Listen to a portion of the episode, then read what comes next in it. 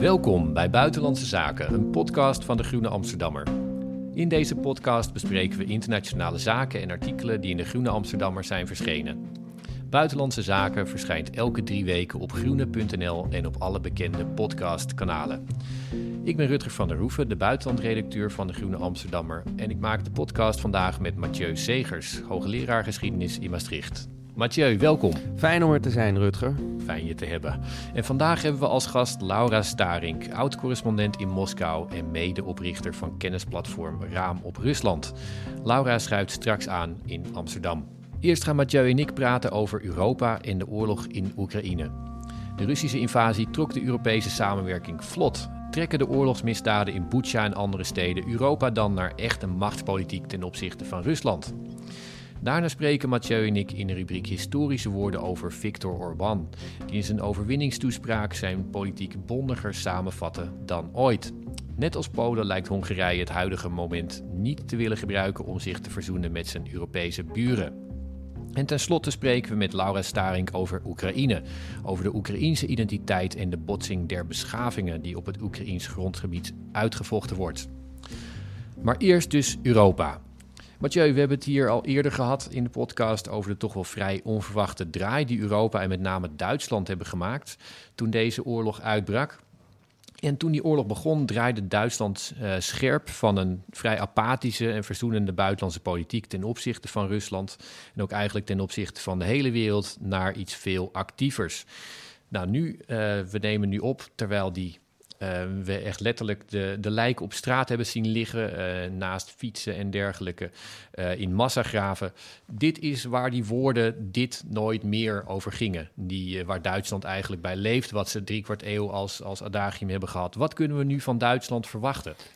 Ja, dat is moeilijk te zeggen, Rutger, want ja, het is natuurlijk hartverscheurend en, en hemeltergend wat er uh, gebeurd is um, in, in. Het was ergens te verwachten, maar toch is het zeer schokkend. En daar zal dus ook een grote Europese reactie op komen. Alleen hoe eensgezind die reactie uiteindelijk is, dat staat nog te bezien. En een belangrijke rol daarin speelt toch ook wel Duitsland. Want Duitsland heeft, je hebt het net goed samengevat, uh, vanuit een soort schaamte over de afgelopen twintig jaar een enorme draai gemaakt. Maar nu het conflict, de oorlog moeten we zeggen, in Oekraïne steeds verder doorescaleert tot in de gruwelijke en horrorachtige uh, situaties waarin we ondertussen verzeild raken aan toe, uh, moet Duitsland eigenlijk ook door uh, ontwikkelen op die koers, in die draai die ze gemaakt hebben. En dat wordt nog best wel moeilijk, want wat je in Duitsland nu ondertussen ziet, is dat er toch twee scholen zijn. Er is een school van de gematigdere draaimakers, zou je kunnen zeggen. Die hebben de draai wel gemaakt, maar die zijn nog steeds nu toch wel een beetje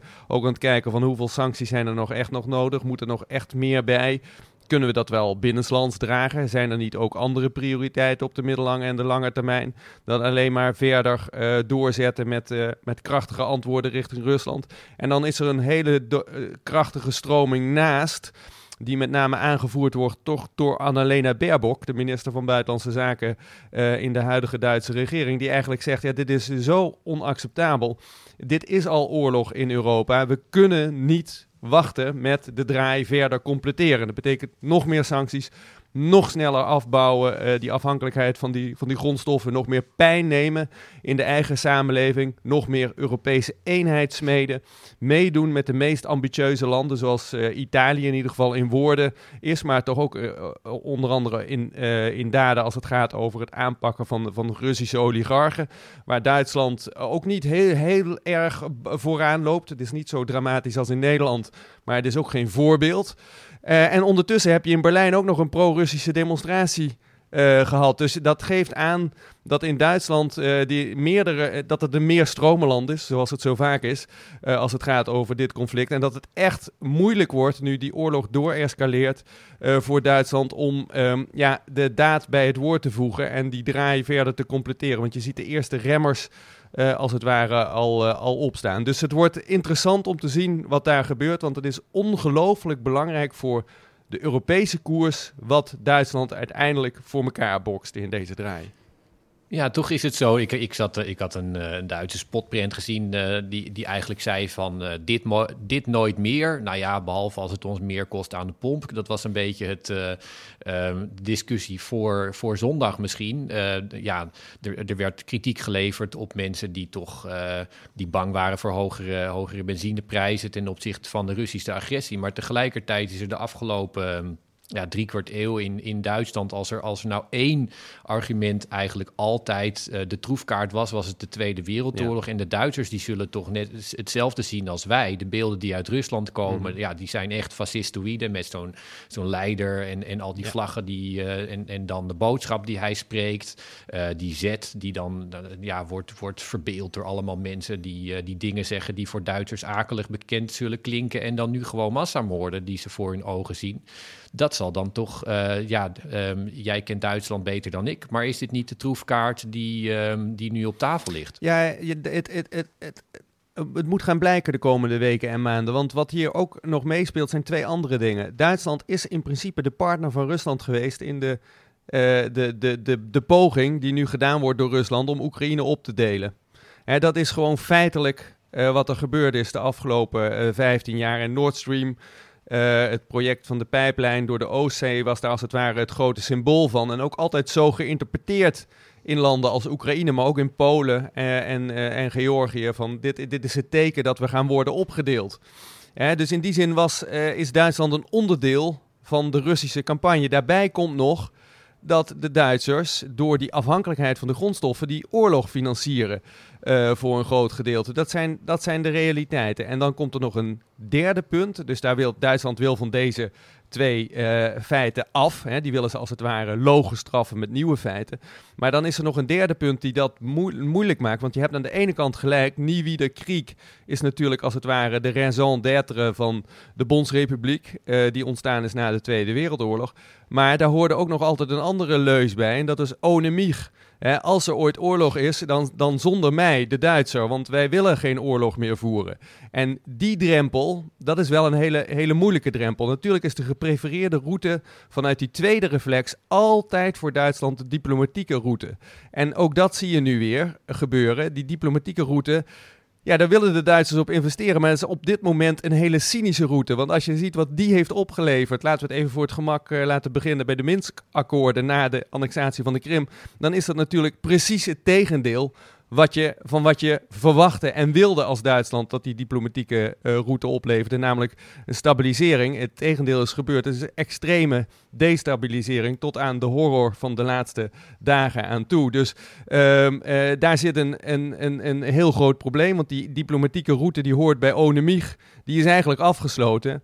En nu moeten de Duitsers dus ook de tweede helft, zou je kunnen zeggen, van de gigantische draai maken. En dat betekent dat ze ook uh, uh, dit, dit adagium terzijde moeten leggen als Nieuwieder Kriek, die ondertussen er wel al is, die Kriek, uh, nog enigszins in praktijk gebracht moet worden. Dus voor de Duitsers is het een ongelooflijk verscheurende situatie, zou je kunnen zeggen. ook niet alleen op het moment zelf, maar ook in het licht van hun eigen interpretatie van de naoorlogse geschiedenis. Want daar zitten een aantal uitgangspunten in die nu niet meer opgaan. Ja, ja we, hebben, je hebt het over, we hebben het over Duitsland gehad. De Europese Unie is natuurlijk een stuk groter, hoewel Duitsland een, uh, ja, een echt bepalend land is, zeker als het gaat om die, uh, die oostwaartse politiek. Maar als je verder kijkt naar, uh, naar wat je ziet in, in Brussel en, en andere geluiden, nou ja, Nederland die. Uh, die was ook in deze crisis in het begin, wilde toch wel de rol op zich nemen van nou laten we niet te hard gaan met alles. Maar um, andere landen um, lijken toch om een, uh, om een activistischer koers te vragen. Nou ja, natuurlijk, uh, natuurlijk Polen, maar ook, uh, ook, ook Italië. Wel, welke, um, als je, je maakte net een analyse van, de, van het Duitse debat um, en ten opzichte van, van deze oorlog, kun je eenzelfde schets, zie je ook zo'nzelfde beeld in de Europese politiek of, of niet? Ja, eigenlijk wel. Hè? Dus die twee stromen die zijn er nog steeds. Zou ik maar zeggen, de, de stroming van de politiek van gisteren die toch inzet op een diplomatieke oplossing met Rusland, waar makkelijk gepraat wordt bijvoorbeeld over iets als neutraliteit voor Oekraïne. wat misschien toch een, wel een brug te ver is als je kijkt naar wat de Oekraïne op dit moment nodig heeft. maar ook ehm, de gematigdheid rondom sanctiespakketten, altijd mitsen en maren. Of wel meedoen met de sanctiepakketten, maar uiteindelijk in de uitvoering je net een mens betonen en afspraken niet helemaal 100% nakomen. Daar is Nederland natuurlijk een een, een, goed voorbeeld van. Dus je ziet door de hele Europese Unie dat, uh, dat stromenland ontstaan. Het wordt ongelooflijk moeilijk naarmate dit conflict, deze oorlog doorescaleert en langer duurt om uh, iedereen op een lijn te houden. Maar ik denk wel dat dat op dit moment nog steeds van de leiders, degene die zich opwerpen als leider, uh, zoals bijvoorbeeld de voorzitter van het Europees Parlement, Metsola, die afgelopen weekend uh, naar, naar Kiev is gereisd om uh, daar expliciet steun te betuigen. Maar ook eh, de Italiaanse premier, ik noemde hem al Draghi, die echt voorop loopt ook in het uitvoeren van de sancties. Niet alleen het afkondigen daarvan, maar ook het uitvoeren. En die nu na Bucha ook vraagt om meer. Hè. Die geven als het ware het moreel leiderschap dat in het Westen nu gevraagd wordt. Anderen zijn aan dat moreel leiderschap nog niet toe. En misschien is het meest in het oog springend, wel behalve de terughoudendheid nu toch ook weer van, van, van, van Scholz in Duitsland, uh, uh, de positie van Nederland. Uh, waar ehm, premier Rutte daarop ook expliciet aangesproken door Zelensky toen hij de Tweede Kamer toesprak, echt de grote remmer is als het gaat over het in het vooruitzicht stellen van Oekraïns lidmaatschap van de Europese Unie. Terwijl het je zou kunnen zeggen de vraag hoe is een vraag die we nog moeten bestuderen. Maar de vraag dat dat lidmaatschap iets is wat we de Oekraïne in het vooruitzicht moeten stellen. Om als het ware hoop, motivatie en steun te, te bieden. Uh, dat staat buiten kijf. Dat is volgens veel landen zo. Onder andere dus volg, volgens de al genoemde Draghi. Dat is volgens premier Rutte dus niet het geval. Uh, en dat wordt wel opgemerkt. En in dat opzicht uh, is Nederland uh, ook een swing state, zou je kunnen zeggen. Als het nu puntje bij paaltje gaat komen de komende weken. Of ze in het kamp zitten van het, het toch het morele en um, praktische leiderschap dat nu gevraagd wordt. Of dat ze in het kamp zitten van de wat meer afwachtende Europeanen die toch nog steeds inzetten op een soort van uh, diplomatieke route met het, uh, met het Rusland van Poetin en een, en een middellange termijn afbouw van allerlei afhankelijkheden, zodat het niet te veel pijn doet in de eigen samenleving.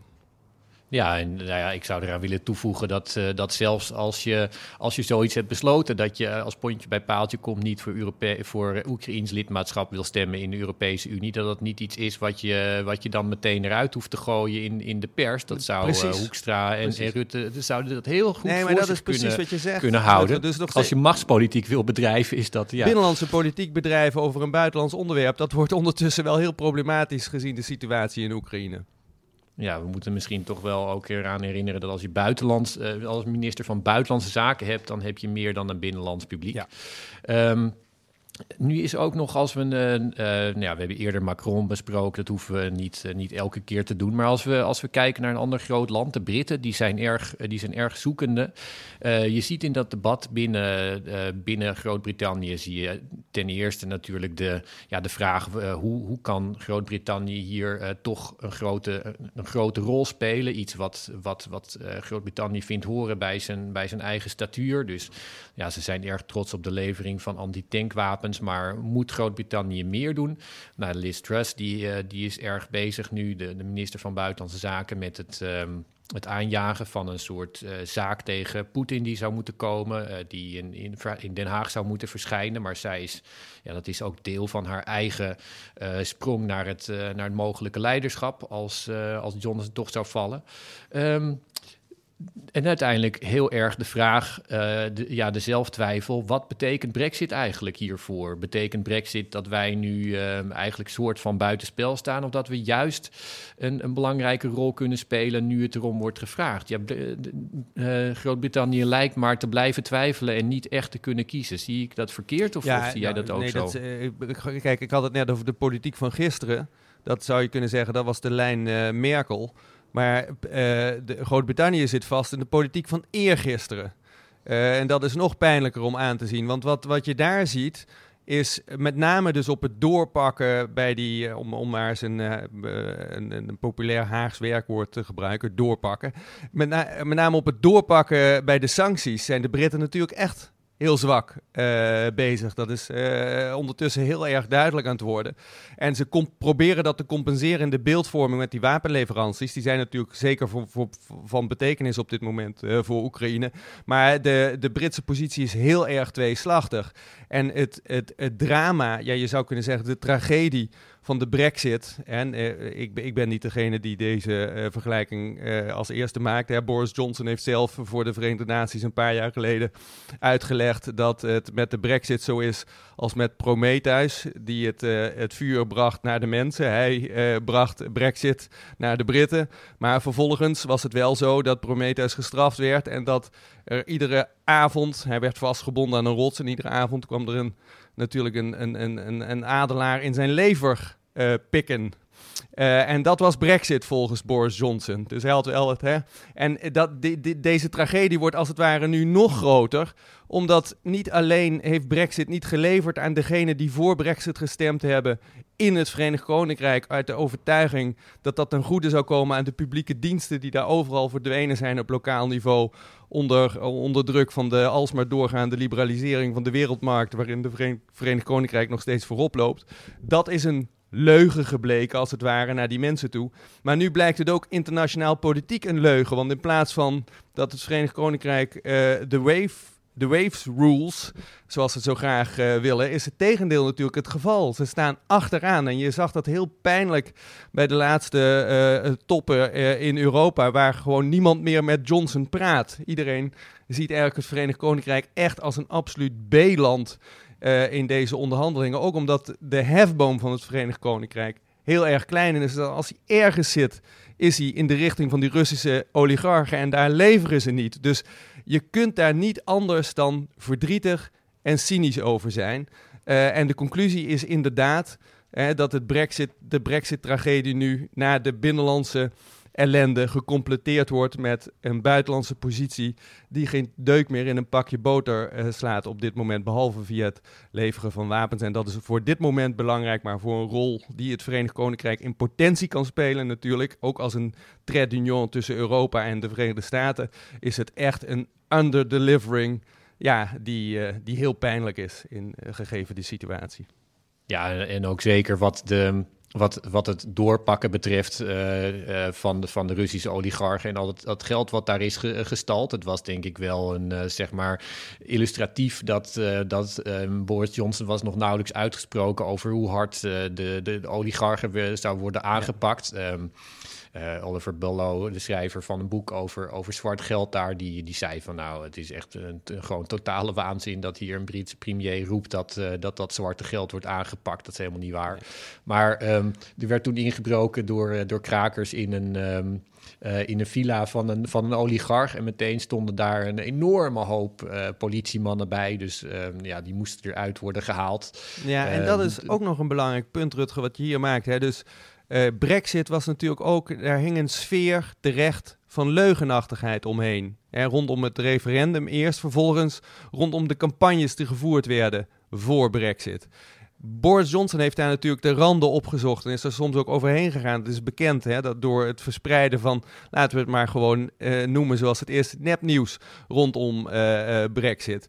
En op dat punt zit de, um, het Verenigd Koninkrijk een beetje op een glijbaan in de richting van allerlei andere regimes uh, die zich hiervan bedienen. En dat is eigenlijk nog een heel zorgelijk aspect van de huidige positie uh, onder deze premier van, van de Britten. Want ja, ze gaan op sommige punten echt de richting op van, ja, van regimes die zich met graag te bedienen van eerst de beeldvorming en dan de feiten in plaats van andersom.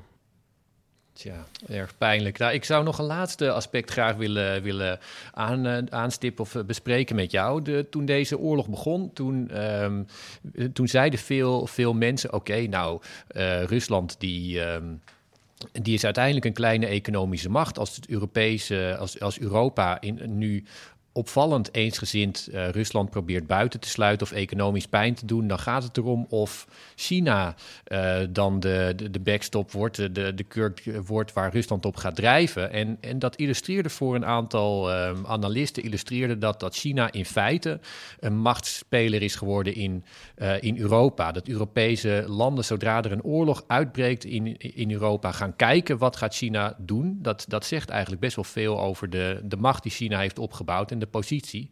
Maar vervolgens is China uh, ja, net eigenlijk als, als, als de Britten en de Duitsers, die staat te twijfelen. Die uh, is, is eigenlijk al een maand lang onduidelijk wat ze deden. De ene keer uh, wordt er een signaal gegeven dat zij Rusland toch echt gaan steunen. Maar ja, er, er komt toch niet veel boter bij de vis. Er was nu afgelopen weekend een, uh, een EU-China-top. Nou, die was ultra kort, was nogal plichtmatig. Uh, de Chinese koers was nogmaals onduidelijk. Um, ja, er zijn toch veel twijfels over wat dit nu precies betekent. En dat, die, dat is toch ook wel belangrijk, want China heeft best wel een positie opgebouwd in Midden-Europa. Um, en zou dat best wel eens kwijt kunnen gaan raken. Wat, is jouw, uh, wat zijn jouw ideeën hierover? Nou, het gaat daar over twee dingen. Ik denk, uh, China heeft inderdaad houten kaarten nog tegen de borst. Wat dat betreft is het, is het niet vergelijkbaar met Duitsland, denk ik. En ook niet vergelijkbaar met het Verenigd Koninkrijk. Want die, hebben toch die kiezen duidelijk de kant van Oekraïne en, en uh, op, op hele goede gronden. China heeft ehm, bij de opening van de winterspelen in Peking samen met Rusland, Xi en Poetin samen een grote verklaring afgegeven. Ik raad iedereen aan om die verklaring na te lezen, omdat je daar iets ziet over wat de Chinese lijn is. Die verklaring is onder het kopje, en dat wordt ook genoemd uh, in, in de tekst, um, grenzeloze vriendschap tussen Rusland en uh, uh, China in dit geval. Uh, en waarbij ze ook uitleggen dat zij staan voor de nieuwe democratische orde. Je, je, je zou bijna denken dat je naar satire zit te kijken als je het leest. maar het staat er echt. En, en, en het is wel van betekenis, want zij afficheren zichzelf natuurlijk wel als democratische staten, hoewel wij daar natuurlijk heel anders over denken. En China steunt vanaf dat moment eigenlijk, stilzwijgend weliswaar, de Russische invasie nog steeds. Dus ik denk dat de Chinese koers heel erg belangrijk zal zijn in de komende maanden. Hoe lang gaat China hiermee door? En wanneer ziet China misschien een, toch een soort rol voor zichzelf weggelegd om uh, te komen tot een overleg dat wel tot resultaten leidt in de sfeer van bijvoorbeeld een, een, een, een staakt het vuren. Dat gaan we zien. Maar een ander punt wat ik wil maken naar aanleiding van jouw uh, um, uh, introductie van deze kwestie, Rutger, is dat China zit niet alleen in Midden- en Oost-Europa. En we hadden het net over het Verenigd Koninkrijk. Als er één land is dat de afgelopen 30 jaar een gigantische hoeveelheid tafelzilver, zoals dat in het jargon heet, de staatsbezittingen, verkocht heeft op de wereldmarkt aan Chinese spelers, dan is het wel het Verenigd Koninkrijk. En dus ook het Verenigd Koninkrijk heeft die afhankelijkheid van China. En hier speelt op de achtergrond natuurlijk precies hetzelfde probleem als zich nu in optima forma manifesteert met Rusland. Namelijk dat de Chinezen zitten overal al in. Dat is niet alleen Midden- en Oost-Europa, dat zijn niet alleen de zijderoutes, dat is niet alleen het tafelzilver van Griekenland, de haven van Piraeus en al dat soort dingen meer die opgekocht zijn in de eurocrisis. Nee, dat verspreidt zich door uh, de hele Europese Unie. Uh, die uh, EU-China-top was eh, in die zin veelzeggend. De Europese Unie maakt hier nooit veel woorden aan vuil, maar wil nu natuurlijk nog sneller dan dat men al wilde af van die Chinese afhankelijkheden in bijvoorbeeld vitale infrastructuur. Dat zal een hele tour worden, maar het leidt tegelijkertijd ook tot een vervreemding tussen China, Peking en Brussel. Uh, en dat zag je heel duidelijk bij die EU-China-top. Die ging inderdaad uh, vrijwel nergens over. Het was vooral een uh, ontmoeting van twee ehm, grote machtsblokken in de wereld. die het vooral niet met elkaar eens zijn op dit moment, gegeven de huidige context in, in Oekraïne. Ja, nou ja je, je stipt ook een aantal dingen aan die wel echt een, um, een prijs worden voor China om te betalen als zij, uh, als zij, als zij die grensloze vriendschap gaan, gaan invullen. Ja, de hoop is natuurlijk dat zij voor stabiliteit zullen kiezen op enig moment, omdat dat ook in het Chinese belang is. En sommige mensen denken misschien ook terug aan de eurocrisis, toen China zichzelf actief meldde achter de schermen in Brussel om te zeggen: moeten wij niet wat geld fourneren om Griekenland te redden? Dan is er tenminste stabiliteit in de wereldeconomie. Dus daar, daar, daar zit nog een soort rationaliteit kaart die nog niet gespeeld is door de Chinezen, maar die sommigen natuurlijk op enig moment wel, wel verwachten vanuit Peking. Ja, en, en ook iets dat gaat voorbij. Uh, dan, dan ga ik wel echt voorbij de, de Europese politiek. Maar um, er is toch ook veel bewondering uh, duidelijk geweest van Xi naar, naar Poetin. Die een, een, een soort persoonlijke genegenheid, maar ook een, um, toch een een gevoel bij, bij Xi, als ik, dat, als ik analyse daarover lees, dat Poetin iemand is die met een zwakke hand vrij goed heeft, heeft gespeeld de afgelopen twintig jaar en daar, en daar behoorlijk wat van heeft gemaakt. En uh, in die zin ook een soort uh, ja, plus uh, is als bondgenoot van, van China. Iemand die heel goed Europa weet te bespelen. Nou, dat verandert natuurlijk als, um, als blijkt dat Poetin zich enorm heeft dus Als hij zijn hand overspeelt en zijn hand enorm heeft overspeeld. Dus dat gaat toch echt wel die, uh, de inschatting ook van, uh, van China, denk ik, beïnvloeden richting Europa toe. Maar uh, dat is iets om. Laten we het hopen. Dat, dat is iets om, ehm, om hier heel scherp te gaan volgen, Mathieu, in de toekomst. Doen we.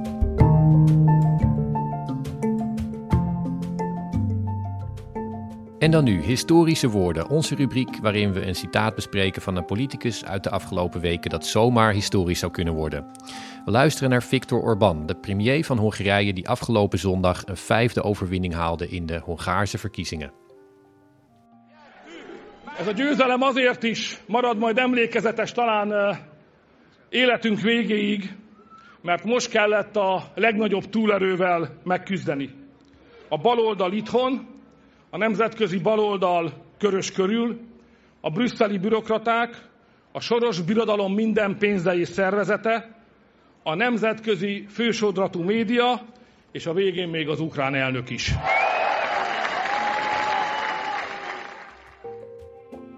Ja, misschien, uh, misschien hoorden jullie daar een paar woorden die u herkende. In ieder geval zei um, zei Orbán het volgende: Deze overwinning zal de rest van ons leven worden herinnerd. Wellicht omdat we de grootste, meest overweldigende macht moesten bevechten. Links in ons eigen land, internationaal links, de Brusselse bureaucraten, het Soros-imperium met al zijn geld, de internationale mainstream media en zelfs de Oekraïense president. Nou, dezelfde uh, heeft Orbán, denk ik, zo kernachtig zijn politieke programma samengevat. Uh, tegen alles en iedereen, uh, voor niks. Mathieu, mag ik jou eerst even vragen daarop te reageren? Ja, inderdaad. Dit is een hele kernachtige samenvatting, zoals je al zegt. Het is de consistente lijn die Orbán eigenlijk al jaren volgt. Hè? De, de logica van het Gallische dorp.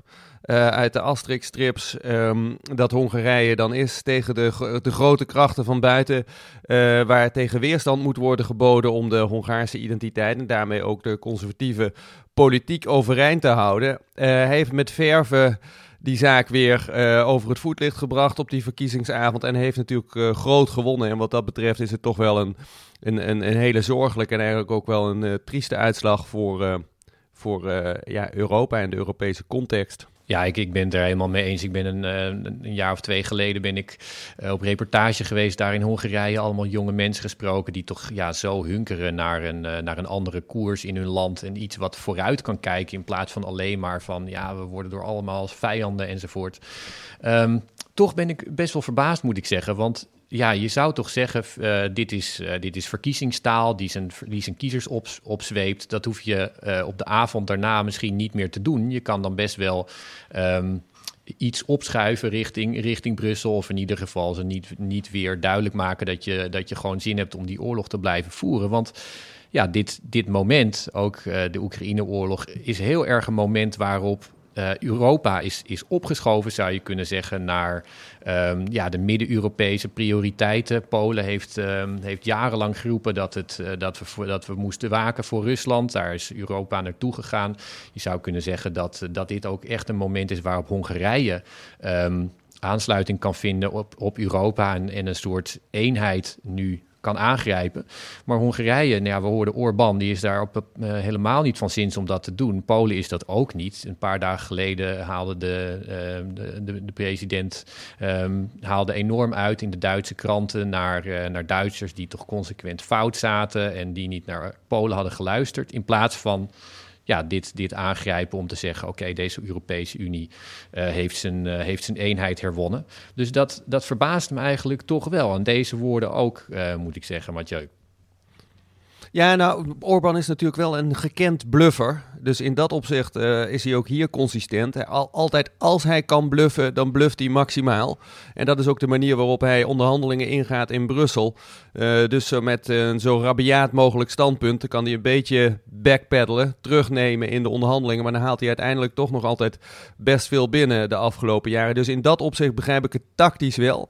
Een ander punt is natuurlijk dat deze oorlog in Oekraïne uh, een verenigingsimpuls geeft, volgens sommigen, aan de Europese Unie. Maar dat het maar zeer de vraag is eh, hoezeer die beklijft. Dus ik denk dat je um, gelijk hebt, Rutger. Dat is nog uh, geen gelopen race. Zeker niet als je kijkt naar de standpunten van de landen die je noemt, Polen en Hongarije. Maar er zit wel een heel belangrijk verschil tussen die twee landen. Want dat zijn eigenlijk gekende partners van de laatste jaren. Polen en Hongarije. Ze trekken samen op in de Visegrad-groep. Maar die ligt nu toch wel helemaal uit elkaar. Daar is Hongarije eigenlijk min of meer uitgestoten door het standpunt dat Orbán inneemt ten opzichte van uh, Rusland. En hij heeft in die woorden die we net hoorden uiteindelijk ook gezegd, gezegd dat hij gewonnen heeft van Zelensky. Dat was de laatste tegenstander die hij noemde. Nou, dat is natuurlijk heel veelzeggend.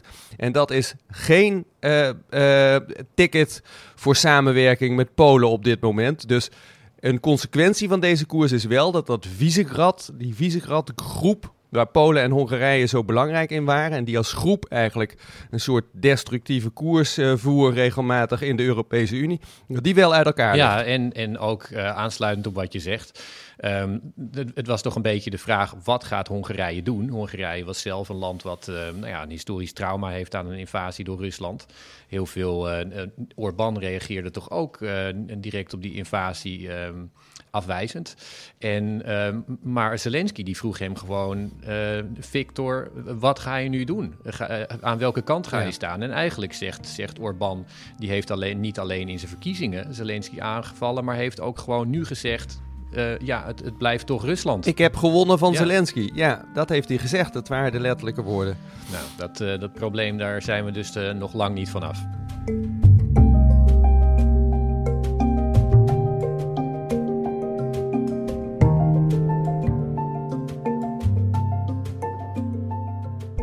En dan nu, de oorlog in Oekraïne. Bij ons is aangeschoven journalist Laura Starink.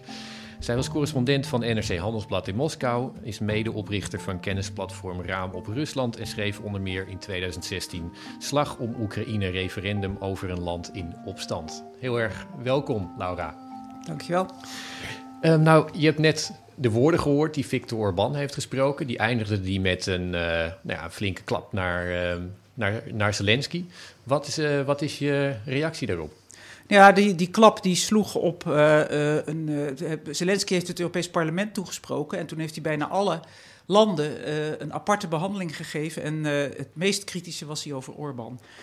dus Orbán slaat terug. Hè, en ja, mijn reactie erop is: ik, ik denk langzamerhand, misschien wordt het tijd om Oekraïne en Hongarije uit te wisselen. Laat Hongarije zich aan, aansluiten bij de Eurasiatische Europese Unie van, uh, van Poetin. En uh, laat Oekraïne de Europese Unie binnenkomen.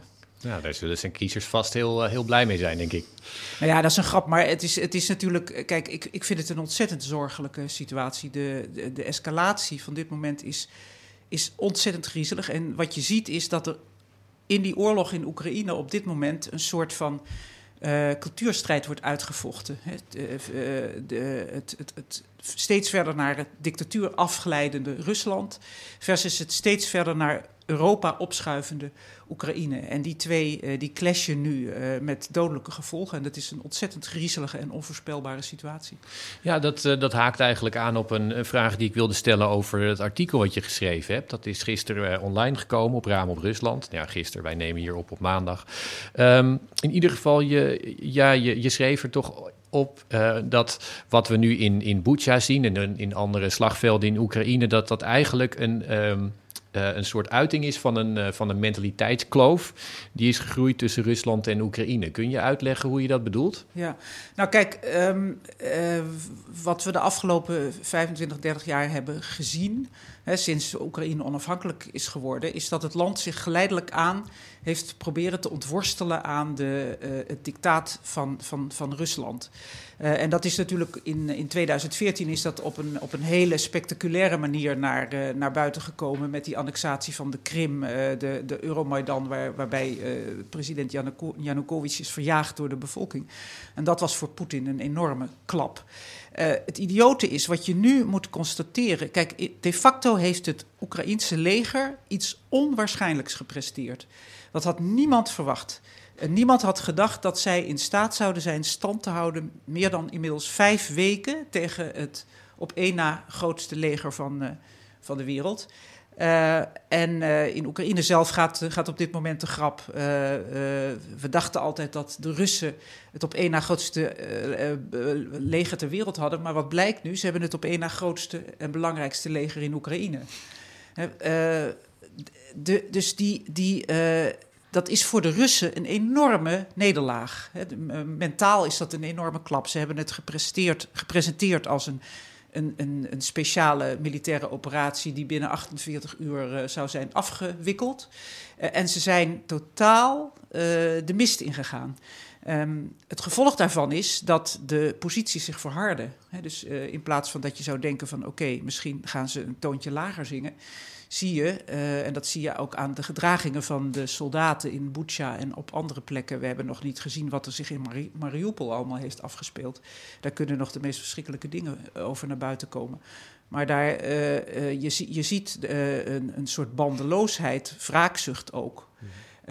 de vraag is in hoeverre dat natuurlijk van hogerhand gestuurd is. Maar het is heel duidelijk dat er, dat er iets losgemaakt is, ook in Rusland zelf wat heel moeilijk, nou ja, wat, wat neigt naar fascisme. Ja, Laura, dat, dat stuk wat je geschreven hebt, eh, vond ik zeer inzichtsrijk. Wat mij daar enorm bij bijbleef nadat ik het uh, las.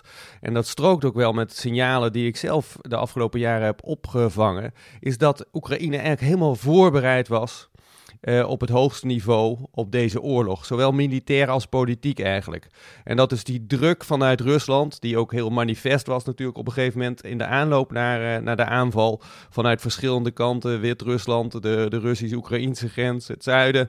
Um, dat die een enorm verenigend effect ook heeft gehad op die hele samenleving, politiek, militaire top die de handen ineengeslagen hebben. Die opdracht, als het ware, om deze enorme dreiging af te slaan.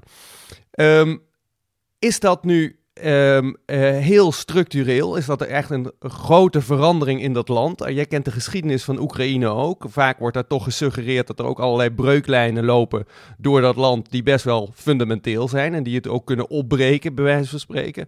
Is, is dat nu door deze situatie van de afgelopen jaren helemaal overwonnen? Hoe, hoe schat jij dat in? Ja, dat, dat is absoluut aan de orde. Kijk, het, het meest bizarre is, en dat is het irrationele van van Poetins handelen. Hè. Er wordt altijd gezegd, het is zo'n rationele denker en hij weet wat hij doet en hij, hij is tactisch goed bezig, et cetera. Het, uh, niks is minder waar. Wat je ziet in Oekraïne is. Kijk, uh, de Russische troepen zijn natuurlijk in het oosten van Oekraïne uiteraard binnengevallen, want ze liggen ten oosten van Oekraïne. Dat is, was traditioneel het meest pro-Russische deel van het land. Ja. daar werd bijna uitsluitend Russisch gesproken. De banden met Rusland waren heel sterk, economisch, maar ook fa familiaal en cultureel. Er woonden veel Russen.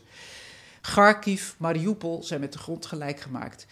De haat die daar nu gezaaid is hè, tegen de Russische bezetters, die heeft uh, uh, uh, nu zelfs Oost en West, hè, die cultureel uit elkaar lopen, omdat ze een andere geschiedenis hebben, totaal in elkaars armen gedreven. De steun voor Zelensky is 90% van de ja. bevolking staat achter hem. En meer dan 80% zegt wij gaan deze. Dus ook die Russisch georiënteerde Oekraïners, die zijn nu eigenlijk helemaal naar de Oekraïne-kant overgeheld door de wandaden die gepleegd ja, zijn in de ja, laatste... Kijk, kijk bijvoorbeeld naar Odessa. Odessa is ook zo'n voorbeeld. Dat is ook een Russisch-talige stad. En een stad die heel belangrijk is voor de Russische geschiedenis. En ze staan te popelen om die stad in te nemen. Eh, de, de, de, de anti-Russische gezindheid is gigantisch. dus met andere woorden, ja, de Oekraïners zeggen wel van de, de Russen, of uh, Poetin heeft, heeft van, uh, van Oekraïne eindelijk een politieke staat ja, gemaakt. wij zijn verenigd als nooit tevoren. Maar dat wil helemaal niet zeggen dat ze die oorlog gaan winnen. Dat is het tragische. Nee, dat is het wrange, is dat daardoor die strijd, zoals jij dat zegt, eigenlijk eerder verhardt dan dat er een oplossing dichterbij komt. Ja, want wat, wat kijk, ja, het, is het is natuurlijk bekend dat mensen die, uh, die, die, die, die, die, die, die vernederd worden. Poetin, als hij iets niet, niet, niet kan hebben, dan is dat hij vernederd wordt. En hij wordt op het slagveld vernederd. Het, de, uh, een militair analist die ik citeer in mijn stuk, Michael Kaufman, heel mhm. goed, goed op de hoogte, die zegt. Uh, heel veel van dat, bijvoorbeeld van het materieel wat in handen is gevallen van de Oekraïners, is gewoon door de Russen in de steek gelaten. Die hebben met de staart tussen de benen zijn die hem gesmeerd. Omdat ze niet bevoorraad werden, omdat ze niet wisten wat ze er deden, omdat ze gedemotiveerd waren, omdat ze honger hadden omdat ze moesten plunderen. Het, het is een, een, een, een, een, nou ja, een debakel. Alleen het gruwelijke is, en dat is, daar hebben wij geen antwoord op, dit dringt niet door tot de gemiddelde Rus. Nee, en sterker nog, je ziet aan alle signalen dat de steun voor Poetin door de sancties alleen maar groeit, groeit en groeit. Ik las net uh, op, op RIA Novosti, dat is een, eh, een Russisch persbureau, een werkelijk gruwelijk artikel van een commentator die in feite de totale kriek uh, tegen Oekraïne propageert. Ja. Die zegt, kennelijk zitten de nazi's overal. Laten we er, laten we er een eind aan maken. Mm -hmm. Ik heb nog een vraag over die, over die identiteit die je noemde. Ik ben nu uh, Borderland aan het lezen van Anna Reid. Zij schrijft over die Oekraïense identiteit dat dat een heel fragiel en dubbelzinnig iets is, waar om, ja, Oekraïne verschuift. Het is uh, onduidelijk uh, voor, voor veel uh, buitenstaanders waar dat die identiteit nou in huist. Of dat iets meer etnisch is, cultureels, politieks.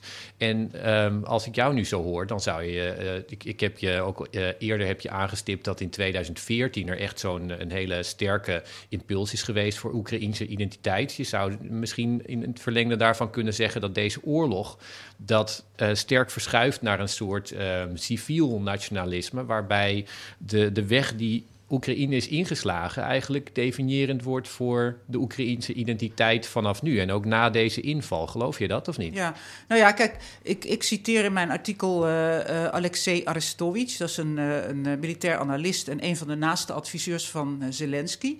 Die heeft dus in 2019 deze oorlog echt op de minuut na voorspeld. Hij had zelfs hij heeft zelfs de datum genoemd. Hè, toen hem gevraagd werd wanneer gaat. Het, het verhaal was.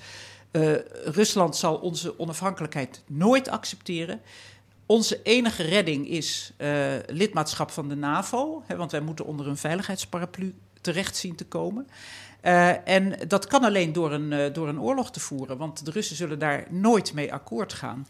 Hè, dus dat, dat, dat idee van decolonisatie, hè, dus de, Oekraïners die, die zich al, al 30 jaar uh, proberen los te maken van, uh, van dat Sovjetverleden en die eh, langzamerhand een heel duidelijk pro-Europees pad hebben ingeslagen, dat heeft de bevolking geleidelijk aan verenigd.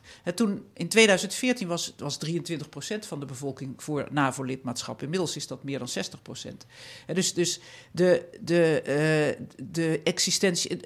Niets is zo, zo nuttig, zou je kunnen zeggen, voor uh, het ontwaken van een nationaal zelfbewustzijn als een buitenlandse vijand. En die vijand is, die ontpopt zich nu als, als een gruwelijke slager Hè, die, dus, die, die, die, die de bevolking decimeert. Nou ja, uh, dan, dan, dan, dan, dan, verva dan vervagen of verdwijnen die culturele breuklijnen natuurlijk compleet. En die zijn er op dit moment niet in Oekraïne. Ja, en aansluitend daaraan, jij, jij gebruikte um, over dat verschil tussen Rusland en Oekraïne gebruikte jij ook uh, de term uh, Clash of Civilizations. Nou ja, de, de botsende beschavingen verwijst natuurlijk naar Huntington.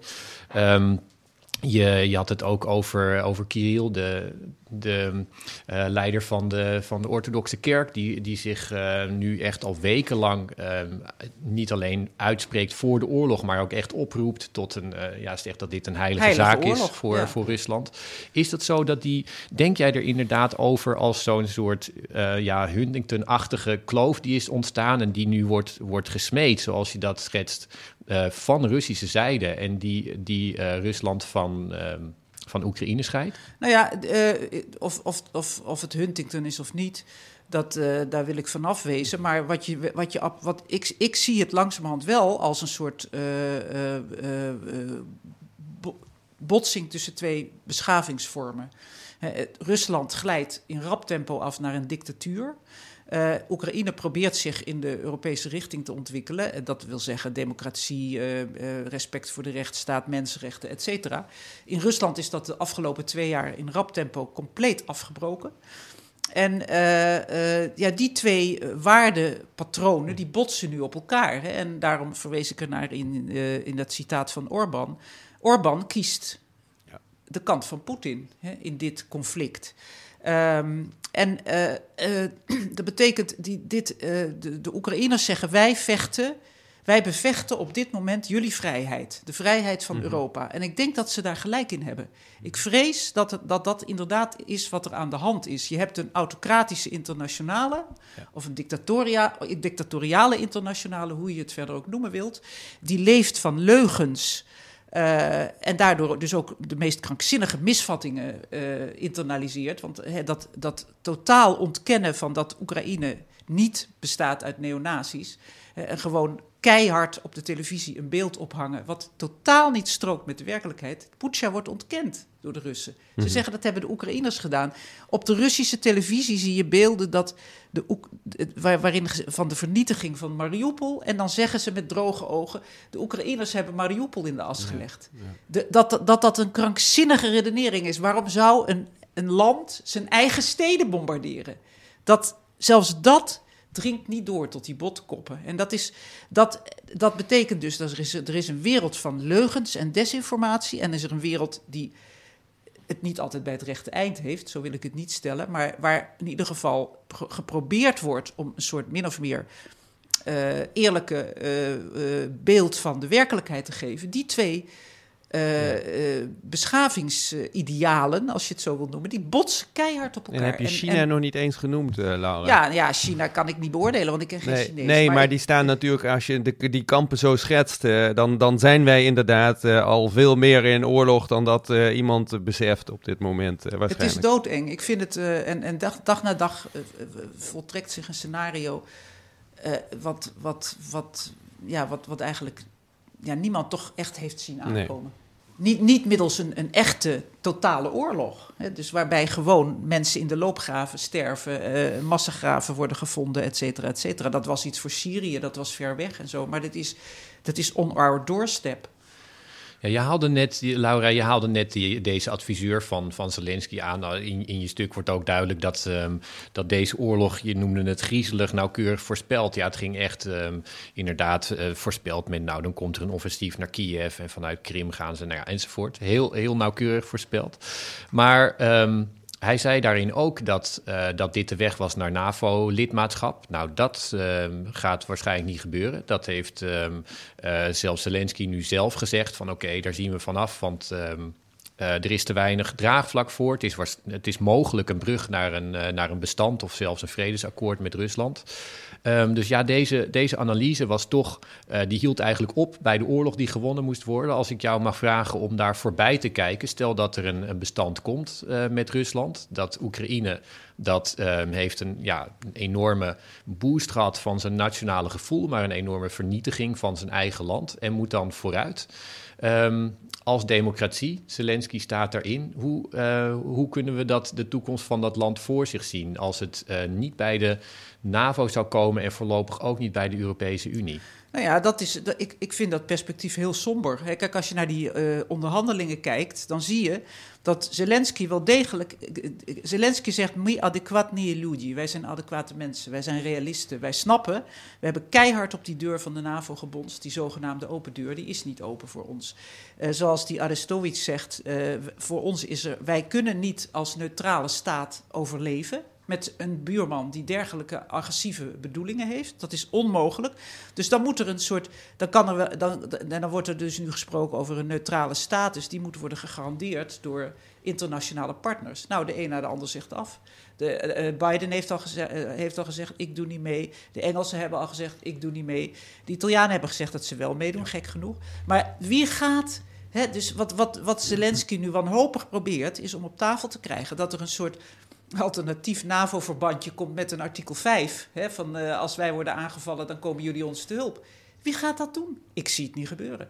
Nou, zolang die, die, die eh, neutraliteit of die, die onschendbaarheid of die, die, die, die, die, die veiligheid van Oekraïne niet is gewaarborgd, komt er aan deze oorlog geen einde. Laura, je hebt het over die neutraliteit. Die, die komt natuurlijk snel op tafel. Die is eh, weken geleden al op tafel gelegd voor de aanval van de Russen, al door menig analist, met name in het, in het Westen. Daar wordt wel heel erg makkelijk over gepraat, uh, over de hoofden van de, van de Oekraïners heen. jij schetst eigenlijk een beeld dat het, dat het eigenlijk geen haalbare kaart is. Zeker niet op korte termijn en op lange termijn eigenlijk ook niet, omdat het nooit stabiel kan zijn.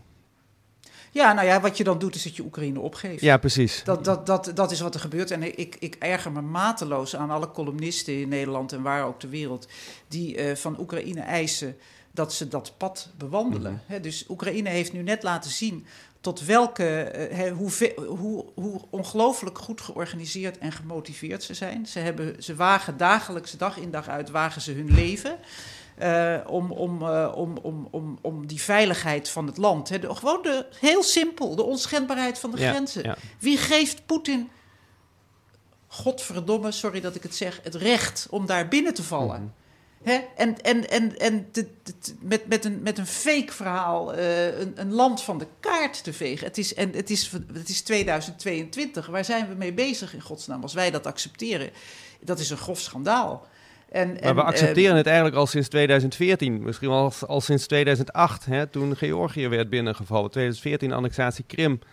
En ja, maar dat is, natuurlijk, ja, dat is natuurlijk altijd een glijdende schaal. Ja. Hè? Dan mm -hmm. denk je, oké, okay, de Krim, ja, wie, wie zit er nou, wie, wie, wie, wie ligt daar nou wakker van? Hè? Zelfs de Oekraïners liggen daar niet eens heel erg wakker van. Er wonen toch ook veel Russen. En maar nu is er een, gewoon een, een, een totale oorlog mm -hmm. aan de gang. Hè? Dus, de, dus een land wordt, wordt, de infrastructuur wordt vernietigd. Het land wordt naar de middeleeuwen teruggebombardeerd. En dan heb ik het nog niet eens over de vluchtelingenstromen... die bij ons van alles en nog wat kunnen gaan... Uh, problemen kunnen gaan opleveren, et cetera. Maar het is een ontzettende, gigantische ontwrichting van een land met, uh, met 37 miljoen En in inwoners. deze context praat je niet over neutraliteit. Dat is nee, eigenlijk dat is jouw, belachelijk. Uh, dat is belachelijk. ja. Dat is echt belachelijk. Ik weet niet wat ze ervoor verzinnen, maar je kan niet tegen Oekraïne nu zeggen van... sorry, zoek het uit. Wij sturen jullie nog wel een pakketje stingers. En uh, uh, ga, ga, ga, maar, uh, ga maar zingen ten onder.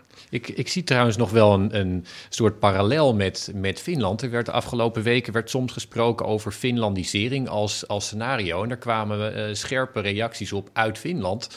Waar, waarvan eigenlijk de, ja, de, de bottom line was nu doen opeens mensen in West-Europa en de VS alsof Finlandisering een oplossing was ja. die zij hebben bedacht. Maar dat heeft Finland uh, bevochten. Uh, eerst met, uh, met bloed in de Tweede Wereldoorlog en, en in de oorlog tegen, tegen Rusland zelf. En vervolgens met een ontzettend moeilijke politiek de hele tijd schipperen. Dat was helemaal niet zo dat daar iets, iets, iets werd gegeven, iets vriendelijks werd gegeven aan Finland. Maar zelf bevochten en daarna heel, met heel precair diplomatiek um, doorgezet. En in die zin is is, uh, zou je kunnen zeggen, de neutraliteit die. Um, is misschien iets wat, wat Oekraïne um, bevochten heeft en wat ze mogen zien als hun eigen, um, als hun eigen overwinning.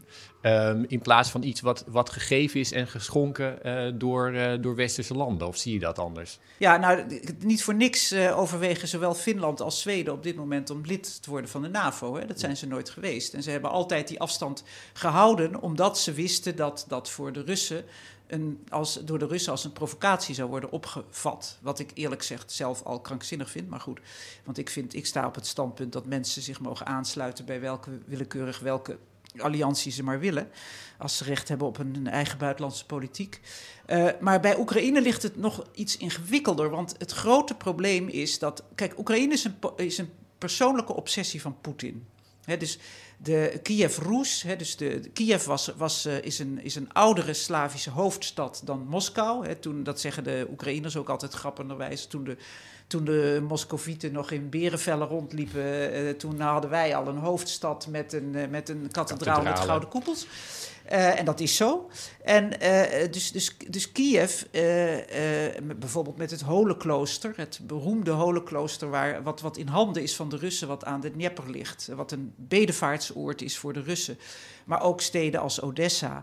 Dat zijn, dat zijn steden die ontzettend belangrijk zijn voor de Russische culturele geschiedenis. En daarom is, doet dat zo'n pijn. Dus zij hebben het gevoel van onze bakermat die drijft naar Europa. Dat is één. En het tweede is natuurlijk dat, dat, dat Poetin ontzettend bang is dat uh, als, als Oekraïne een succes wordt, dat hij het dan zelf in Rusland ook niet houdt.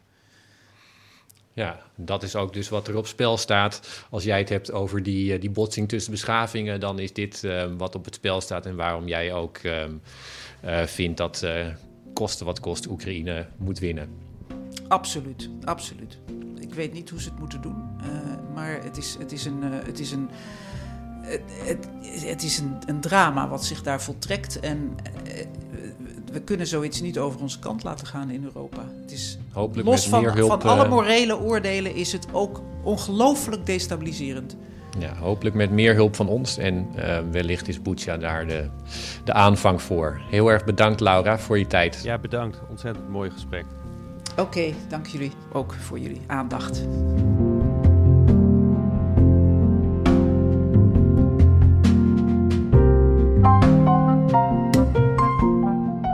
Luisterde naar Buitenlandse Zaken, een podcast van de Groene Amsterdammer. U hoorde Rutger van der Hoeven en Laura Staring vanuit Amsterdam en Mathieu Segers vanuit Maastricht. Deze podcast werd gemaakt door Giselle Mijnlief. Dank voor het luisteren. En als u meer van ons wil lezen of abonnee worden van de Groene Amsterdammer, ga dan naar www.groene.nl.